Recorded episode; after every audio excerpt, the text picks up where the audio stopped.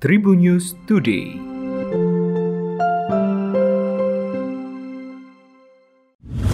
Halo Tribuners, berjumpa kembali bersama Hakim di Tribun News Today dan Hakim akan berbagi informasi menarik hari ini mulai dari informasi nasional, regional, selebritis dan juga olahraga.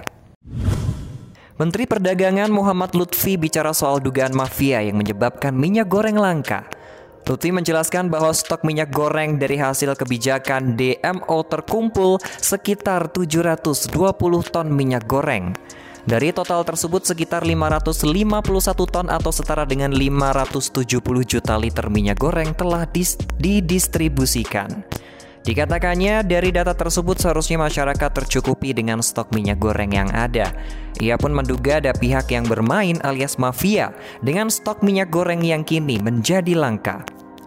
Dugaan itu berasal dari data pasokan minyak yang tidak sama dengan kondisi di lapangan. Lutfi pun mencontohkan wilayah Medan, Sumatera Utara yang memiliki stok melimpah tapi tidak dipenuhi ketersediaan minyak di pasaran. Tak hanya di Medan saja, ada dua daerah lainnya dengan kondisi serupa yaitu Surabaya, Jawa Timur, dan juga Jakarta. Jakarta mendapatkan pasokan minyak goreng sebesar 85 juta liter dengan penduduk 11 juta orang. Sementara pasokan minyak di Surabaya mencapai 91 juta liter minyak goreng. Lutfi mengaku tak bisa melawan aksi-aksi dugaan mafia minyak goreng ini karena keterbatasan wewenang dalam undang-undang. Untuk itu, pihaknya sudah melaporkan hal ini ke Satgas Pangan Polri. Kini Lutfi menegaskan Satgas Pangan Polri yang menangani dugaan dengan adanya mafia minyak goreng tersebut.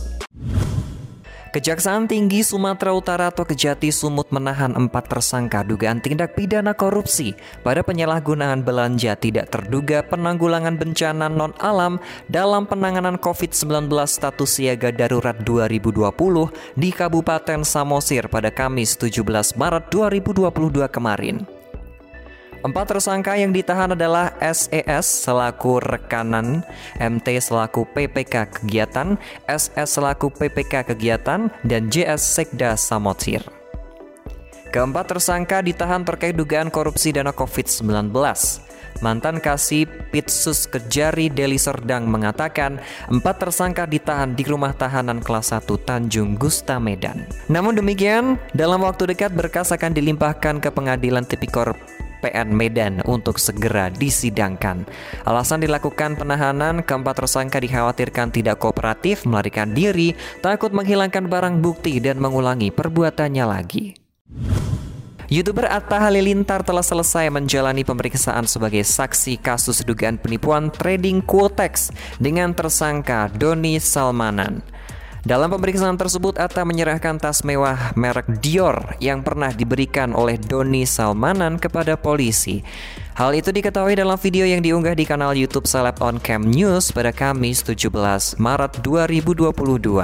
Atta Halilintar mengaku diberi beberapa pertanyaan oleh penyidik, namun ia lupa beberapa pertanyaan yang dilontarkan oleh penyidik kepadanya. Terkait dengan pengenalan antara keduanya, YouTuber 27 tahun ini mengaku tak begitu kenal dengan Doni Salmanan. Atta Halilintar menyatakan baru mengenal Doni saat melakukan podcast bersama. Dengan adanya kejadian ini, Atta mengaku akan lebih berhati-hati lagi ke depannya.